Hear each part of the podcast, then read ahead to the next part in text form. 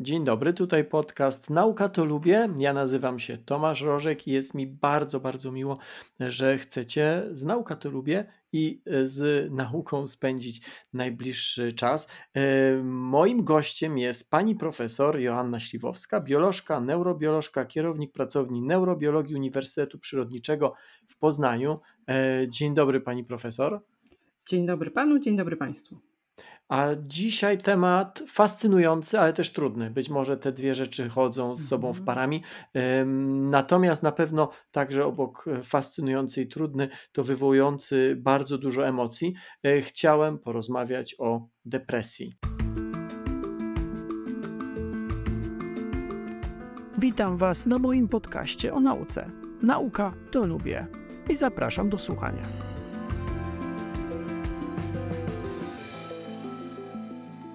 Pani profesor, ten temat rzeczywiście, jak mało który naukowy, czy e, biologiczny, neurobiologiczny, wzbudza mnóstwo emocji. Ja o te emocje też chcę zapytać, chcę poznać Pani zdanie, skąd te emocje się biorą.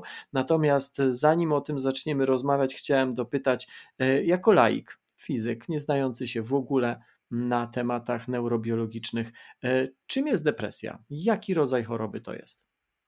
No na pewno emocje biorą się z mózgu, to, to nie ma tutaj jakiejś niepewności. Na pewno emocje biorą się z układu limbicznego. Y, I to pewnie podstawa tej choroby no, znajduje się w mózgu.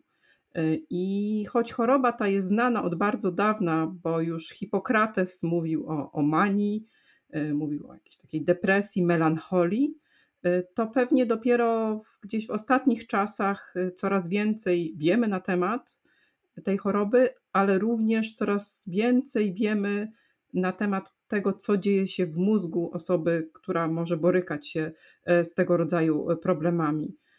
I wydaje mi się, że mm, często to pojęcie depresja jest troszkę nadużywane.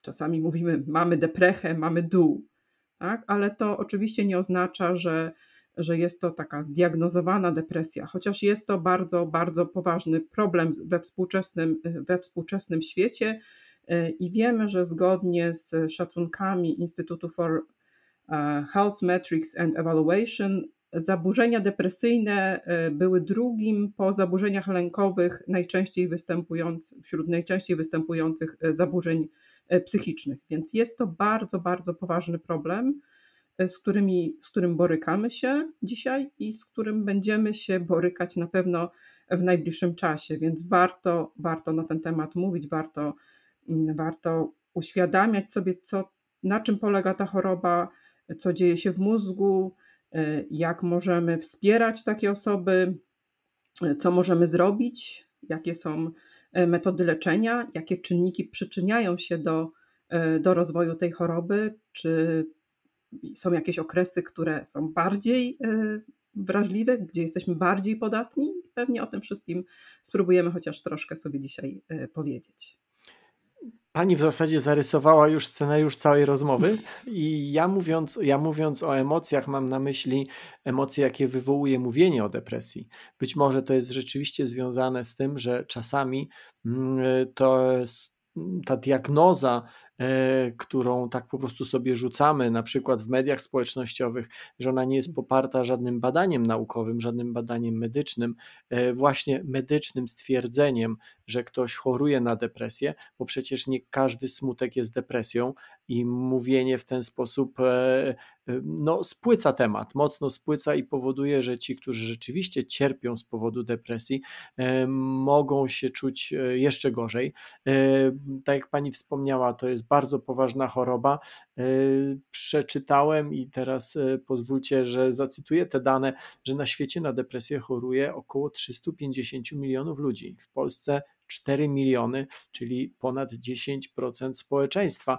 I jest to druga albo jedna z głównych przyczyn samobójstw. Więc to nie jest kwestia jakiejś tam melancholii, to jest bardzo, bardzo poważna sprawa. Pani profesor, no to w takim razie proszę o krótką odpowiedź jak dla, jak dla laika, e, choć zdaję sobie sprawę, że to jest temat na bardzo długą odpowiedź, ale mm, skąd ona się bierze? Na pewno jest to bardzo, bardzo poważny i skomplikowany problem, i nie ma jednego czynnika, który byśmy mogli przywołać jako ten, który wywołuje depresję. Na pewno są czynniki, które mogą przyczyniać się do rozwoju tej choroby. Jednym z nich jest stres, y, który, który jest wszechobecny i z którym po prostu no musimy, musimy żyć. Tak? Nie jest y, pewnie, jest to taka sytuacja, którą gdzieś odziedziczyliśmy, no też dzieląc świat ze światem zwierząt, gdzie w, w, różnych sytuacjach no, musimy po prostu reagować bardzo szybko i w tej odpowiedzi na stres mamy taką szybką reakcję, za którą jest odpowiedzialny układ autonomiczny, gdzie wydziela nam się adrenalina i taką wolną reakcję, w której aktywowana jest oś podzgórze przysadka mózgowa nadnercza. Także ten stres będzie nam zawsze towarzyszył, on jest nam potrzebny, bo też y, mówiąc o stresie, często mamy takie pojęcie negatywne związane ze stresem. Natomiast stres, jeżeli występuje w takim umiarkowanej formie, nie jest to jakiś przewlekły stres, on mobilizuje nas, on mobilizuje nas do działania, e, pomaga nam myśleć, pomaga nam organizować różne sprawy. Natomiast oczywiście sytuacja tutaj się wymyka spod kontroli, spod kontroli i układu współczulnego i osi podgórze przysadka mózgowa nadnercza, kiedy ten stres e, jest stresem długotrwałym, co naukowo mówimy, że jest to stres, stres chroniczny. To jest stres chroniczny, to jest coś takiego, gdzie co utrzymuje się, jakieś czynniki, jakieś, które nazywamy stresorami, utrzymują się przez długi okres czasu i też są one dla nas nieprzewidywalne. Y, można powiedzieć sobie, na przykład ktoś pracuje y, w jakimś zakładzie pracy i ma szefa, który jednego dnia mówi jedną rzecz, drugiego dnia mówi drugą rzecz, gdzie nie można przewidzieć, czy pracuje się do piątej, czy do szóstej, czy będzie się musiało jechać gdzieś w delegację w sobotę i w niedzielę. I, I, to wtedy jest takie nieprzewidywalne i to może prowadzić do, do różnych komplikacji, także rozwoju, rozwoju chorób. Y, to jest na pewno taki bardzo czynnik, który może przyczyniać się do rozwoju E, jakiejkolwiek choroby, w tym również depresji. I co jest tutaj też interesujące w przypadku wielu chorób takich psychicznych, że możemy mieć pewną podatność na jakąś chorobę, ale często są takie czynniki wyzwalające. E, pierwszy epizod choroby, czy to epizod na przykład schizofrenii, czy to epizod depresji, i wśród tych czynników właśnie często e, pojawia się stres. Także to jest taka rzecz, która, na którą musimy bardzo zwracać uwagę. I która się bardzo często gdzieś tam przejawia w wielu, wielu badaniach. Oczywiście to może być taki stres w życiu dorosłym, ale też jest taka teoria, którą nazywamy teorią e, programowania prenatalnego, która mówi również, że czynniki w łonie matki działające mogą również przyczyniać się do rozwoju e, chorób, wielu chorób, takich chorób metabolicznych jak otyłość, e, jak cukrzyca typu drugiego, ale również do rozwoju chorób takich psychicznych, jak na przykład depresja.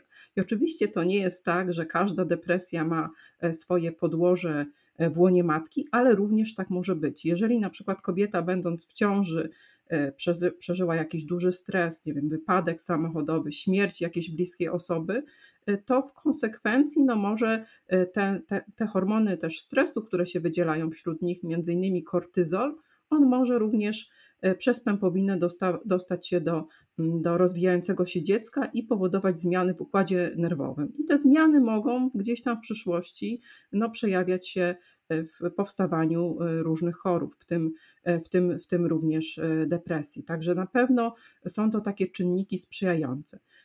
A co jeszcze? Bo mówi Pani, że tych czynników jest bardzo dużo. Wśród tych czynników sprzyjających są również hormony płciowe.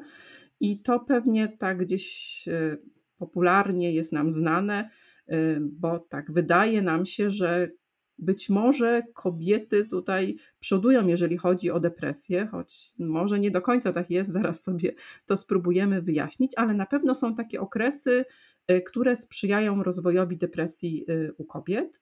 I to jest okres y, po porodzie, kiedy następuje spadek hormonów, między innymi estrogenu, z bardzo wysokiego poziomu do bardzo niskiego. To jest taki jeden okres i to wtedy mówimy o tak zwanej depresji poporodowej, która często się, y, się pojawia w, w, u kobiet. I drugi okres to jest okres menopauzy, kiedy znowu te, ten poziom hormonów spada ze względu na to, że że jajniki przestają e, produkować, czy poziom e, produkowanych e, estrogenów, progesteronu jest znacznie, znacznie niższy. I tutaj też taka może troszkę interesująca informacja, może przynajmniej dla części z Państwa. Często tak nam się wydaje, że to jest taki duży problem dla kobiet w okresie menopauzy, bo wówczas metabolizm też zwalnia i często kobiety przybierają na masie.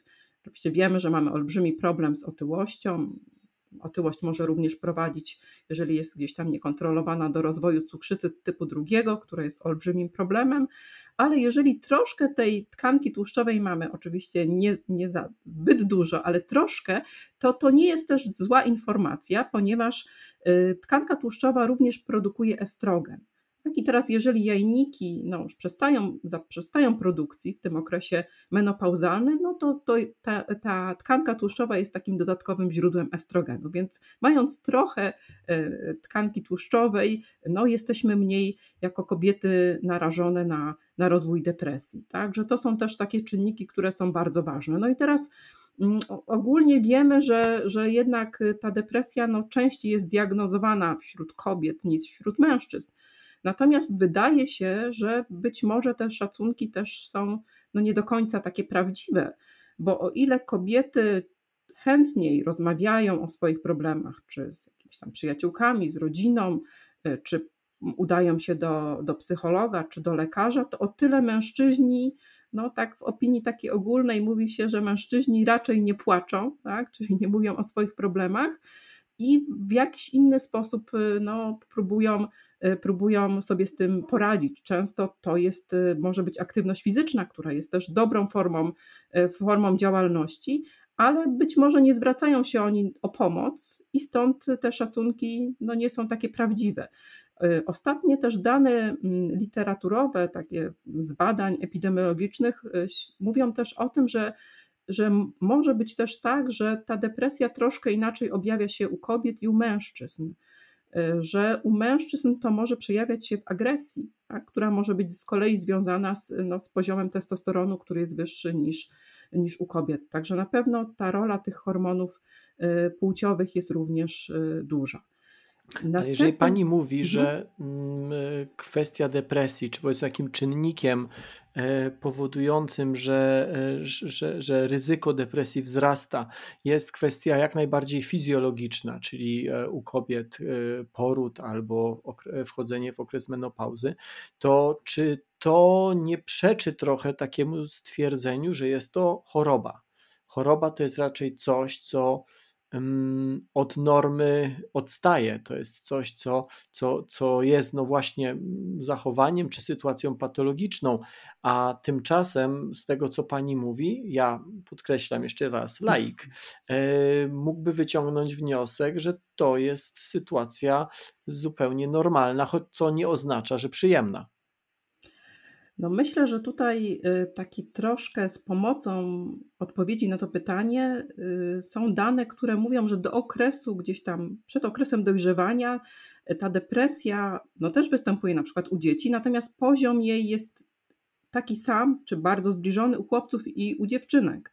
Natomiast po tym okresie dojrzewania tutaj ten podział no jest taki na razie wiemy, że jest no trochę częstsza u kobiet niż u mężczyzn. Natomiast czy to jest choroba? Myślę, że jest to choroba, ponieważ no, następują zmiany, zmiany w zachowaniu, ale również zmiany w mózgu.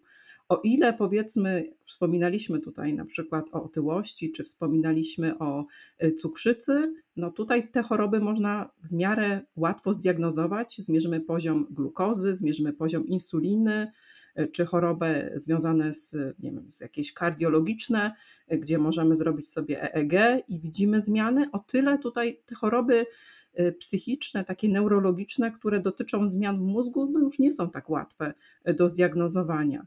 Y, no bo y, zmiany w zachowaniu widzimy, natomiast to, co dzieje się na poziomie mózgu, no to już musimy mieć specjalistyczny sprzęt, czy badania tomografii komputerowej, czy rezonans magnetyczny, które pozwolą nam zajrzeć w głąb. Natomiast no, na tych wczesnych etapach to no, no, oczywiście to jest dobra wiadomość, tych zmian nie będziemy nawet widzieli, no bo to są bardzo subtelne zmiany. To są zmiany w ilości transmiterów wydzielanych, w jakichś połączeniach nerwowych, które się tworzą, w zmiany w tego typu, których, których jeszcze nie jesteśmy w stanie zobaczyć przy pomocy technik, którymi e, dysponujemy. Dopiero no, w takich stadiach bardzo zaawansowanych, kiedy mamy już jakieś duże ubytki e, tkanki nerwowej w jakichś strukturach mózgu, to no, oczywiście to możemy zobaczyć. I tutaj e, wiemy, że te zmiany zachodzą w różnych strukturach mózgu. To jest właśnie układ limbiczny, o którym już na, na początku wspominaliśmy, między innymi ciało migdałowate, to jest taka struktura, rzeczywiście nazwa pochodzi stąd, że podobna jest do takiego migdałka kształtem, to są taka parzysta struktura i ona jest odpowiedzialna za emocje. Y, I wiemy, że w, no, często te, mm, te emocje gdzieś buzują, że ludzie mm, przeżywają pewne sytuacje, rozmyślają w takim stanie właśnie depresji, przejmują się różnymi rzeczami i rzeczywiście to przejawia się w nadaktywności tej struktury. Natomiast inne struktury, takie jak kora przedczołowa, to jest z kolei taka bardzo młoda struktura, która rozwinęła się jako jedna z ostatnich i ona rozwija się gdzieś do 25 do 26 roku życia. Ona jest odpowiedzialna za racjonalne myślenie, za planowanie, za przewidywanie, i tutaj wiemy, że ta struktura no, zmniejsza swoją aktywność, stąd też no, często te takie myślenie ludzi, podejmowanie decyzji jest utrudnione. E, także to jest związane no, właśnie z niewłaściwym funkcjonowaniem kory przedczołowej. Jeszcze o jednej strukturze tylko chciałabym wspomnieć. E, to jest hipokamp, bardzo ważna struktura, która z kolei jest związana z uczeniem się, z zapamiętywaniem. I wiemy, że w stanach no, takiej depresji y, no, osoby mają problemy z, z nauką, y, z pracą, z zapamiętywaniem, z funkcjonowaniem w takim życiu, życiu codziennym i też u, u wielu osób no, w takich stanach już silnej depresji y, wiemy również, że mogą być zmiany w hipokampie, zmiany w objętości, w objętości tej struktury. Także jest to choroba, ponieważ no, widzimy, że na poziomie mózgu zmiany, zmiany występują. Czy te zmiany, o których Pani wspomniała, są zmianami odwracalnymi? Czy to jest tak, że jak już e, pojawi się problem, to jedyne co możemy zrobić, to go e, zatrzymać e, albo spowolnić? Czy też jest szansa na to, żeby odwrócić i znowu spłycając bardzo, naprawić to, co się zepsuło?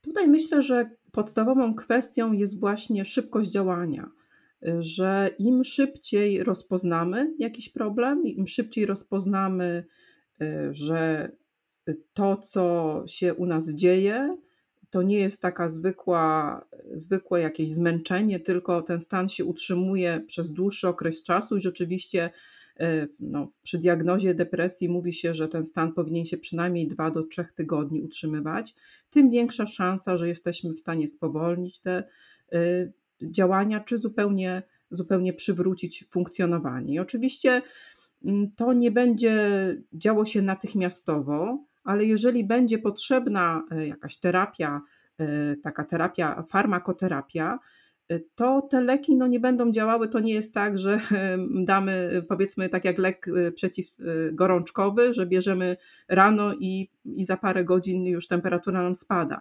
Tutaj sytuacja jest bardziej skomplikowana. Leki mm, antydepresyjne działają zwykle po dwóch do czterech tygodni, także nie możemy się spodziewać takiego no, bardzo szybkiego y, powrotu do stanu zdrowia.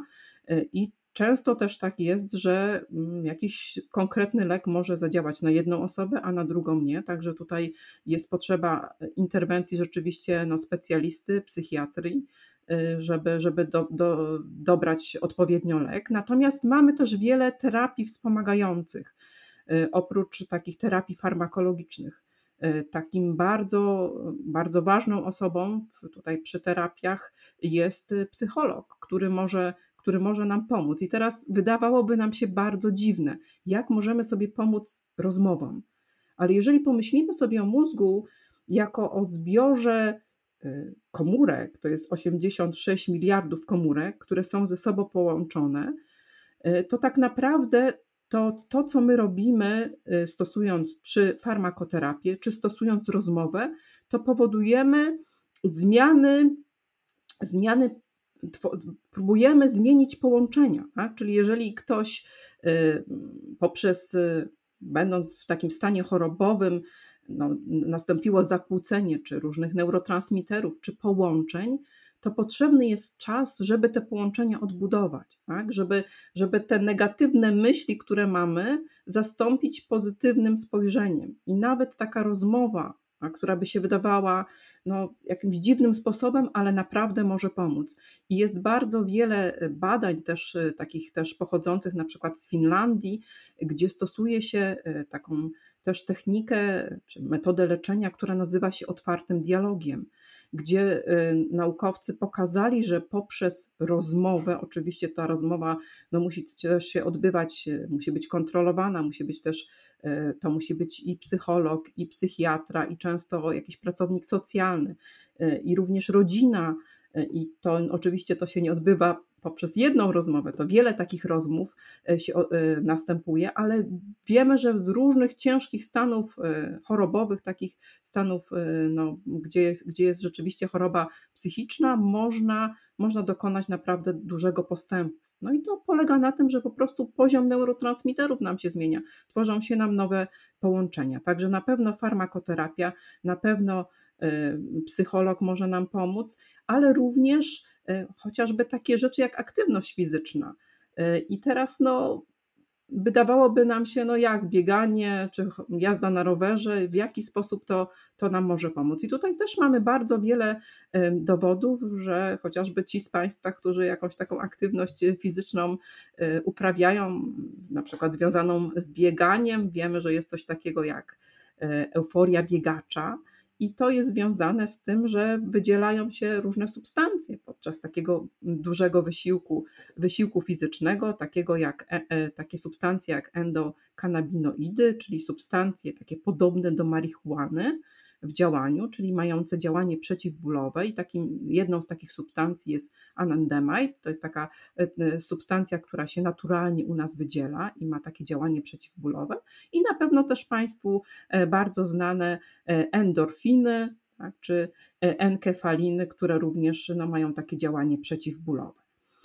Inną substancją też, która się, się wydziela w czasie aktywności fizycznej jest taki czynnik, który się nazywa w skrócie B, BNDF, czyli czynnik wzrostu nowotworów pochodzenia mózgowego, chociaż tutaj ta nazwa trochę może być mylna, bo on oczywiście wydzielany jest w mózgu, ale również wydzielany jest w mięśniach w czasie wysiłku fizycznego. I jak wydzielany jest w mięśniach w czasie wysiłku fizycznego, to dostaje się do krwi i potem pokonuje barierę krew-mózg, która chroni mózg normalnie przed substancjami jakimiś szkodliwymi, które mogłyby się do mózgu dostać i tam w mózgu powoduje, y, powoduje no, takie, y, takie reakcje, które prowadzą do y, powstawania nowych komórek nerwowych. Bo tak jak wiemy, w czasie rozwoju embrionalnego, w czasie mm, powiedzmy ciąży, ten nasz mózg się kształtuje, powstaje, ale również wiemy, że w okresie takim dorosłym też zachodzą procesy neurogenezy, czyli powstawania nowych komórek nerwowych i między innymi e, ten czynnik BDNF jest takim czynnikiem, który do tego prowadzi. Prowadzi do rozwoju nowych komórek nerwowych, może powodować tworzenie się nowych e, połączeń. Także na pewno oprócz tej farmakoterapii, oprócz rozmowy, również aktywność fizyczna jest bardzo ważna. Wspominała Pani e, w, w zasadzie w kilku odpowiedziach tak po troszce, jak e, depresję rozpoznać, ale chciałbym, żeby to pytanie padło, żeby to podsumować w pięciu słowach. Jak u siebie, jak u osób nam bliskich rozpoznać depresję? To na pewno jest to smutek, jest to przygnębienie, jest to niemożliwość pracy, e, często zaburzenia snu, E, to jest taka bardzo, bardzo często taka rzecz, którą możemy zobaczyć, czyli osoba na przykład nie może zasnąć albo przebudza się, e, zaburzenia odżywiania i to mogą być e, dwojakie. Albo możemy jeść za dużo, albo możemy w ogóle, w ogóle nie jeść. To jest taka no, niemożność, nie, nieposiadanie siły do działania, niechęć, Tak jak mówiłam, może to się też przejawiać agresją, zmianą częstą nastrojów, zmianą decyzji. To są chyba takie najbardziej takie widoczne dla takiego przeciętnego człowieka e, symptomy, na które powinniśmy, e, powinniśmy reagować i które, które powinny no, nam dać e, do myślenia. I, I tutaj, jeżeli mówimy mm, też o, o, o depresji i o tym, o takich czynnikach, które, które możemy stosować jako profilaktyka, to jest taki bardzo ładny akronim angielski, który się nazywa DRESS tak jak ubranie, tak, czy sukienka. E, I ten akronim mówi, że to są takie czynniki, które, mm, y, które są ważne, żeby zapobiegać czy profilaktyce depresji. Pierwszy to jest to D, to jest dieta, tak, czy diet po angielsku. E, drugie R to jest e, stress reduction, czyli redukcja stresu, to mówiliśmy o tym czynniku również.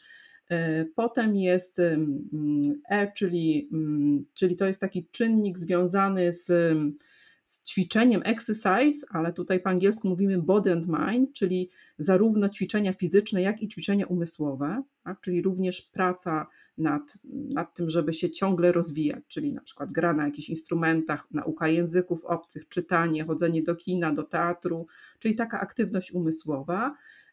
S pierwsze to jest e, sleep, czyli sen, i ostatnie S to jest social support, czyli wsparcie społeczne. I to są takie takie czynniki, które mogą nas uchronić, po, no, gdzieś tam nam dać takie wsparcie i wspomóc nas, aby, aby te choroby nas gdzieś tam nie dosięgnęły.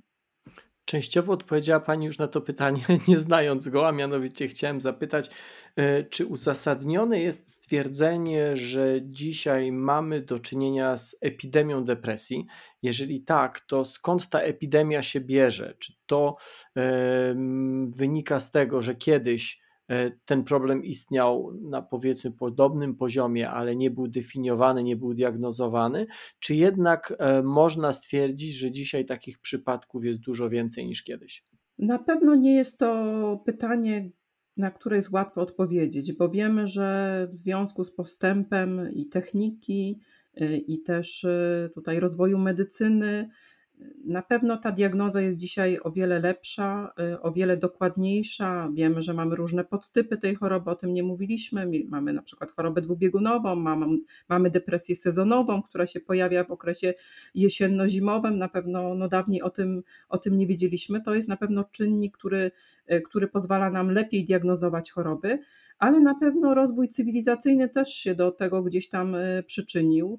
Mm, to, co mówiliśmy, ta, ta ostatnie S, czyli na przykład y, też ta, to wsparcie społeczne. Tak? Dawniej spo, ludzie żyli w grupach y, społecznych wielopokoleniowych, wie, wiele rodzin mieszkało gdzieś tam, całe y, rodziny, dzieci, wnu, babcie, rodziny się wspierały, również ludzie prowadzili no, chociażby odwołując się do naszych przodków, taki łowiec, łowiecko-zbieracki tryb życia, gdzie, e, gdzie dużo się przemieszczali, gdzie pokonywali duże odległości, gdzie musieli używać różnych struktur mózgu, jakby chociażby tego hipokampu, żeby pamiętać drogę, e, żeby wiedzieć, gdzie co, gdzie, gdzie co znaleźć, e, to na pewno są czynniki, które, które gdzieś tam no, przyczyniają się do rozwoju chorób. Na pewno również takie czynniki mm, społeczne, jak chociażby Y, no, ostatnia pandemia, którą, która się na pewno też przyczyniła do rozwoju chorób takich psychicznych, do rozwoju depresji, izolacja społeczna. Wiemy, że jest takim,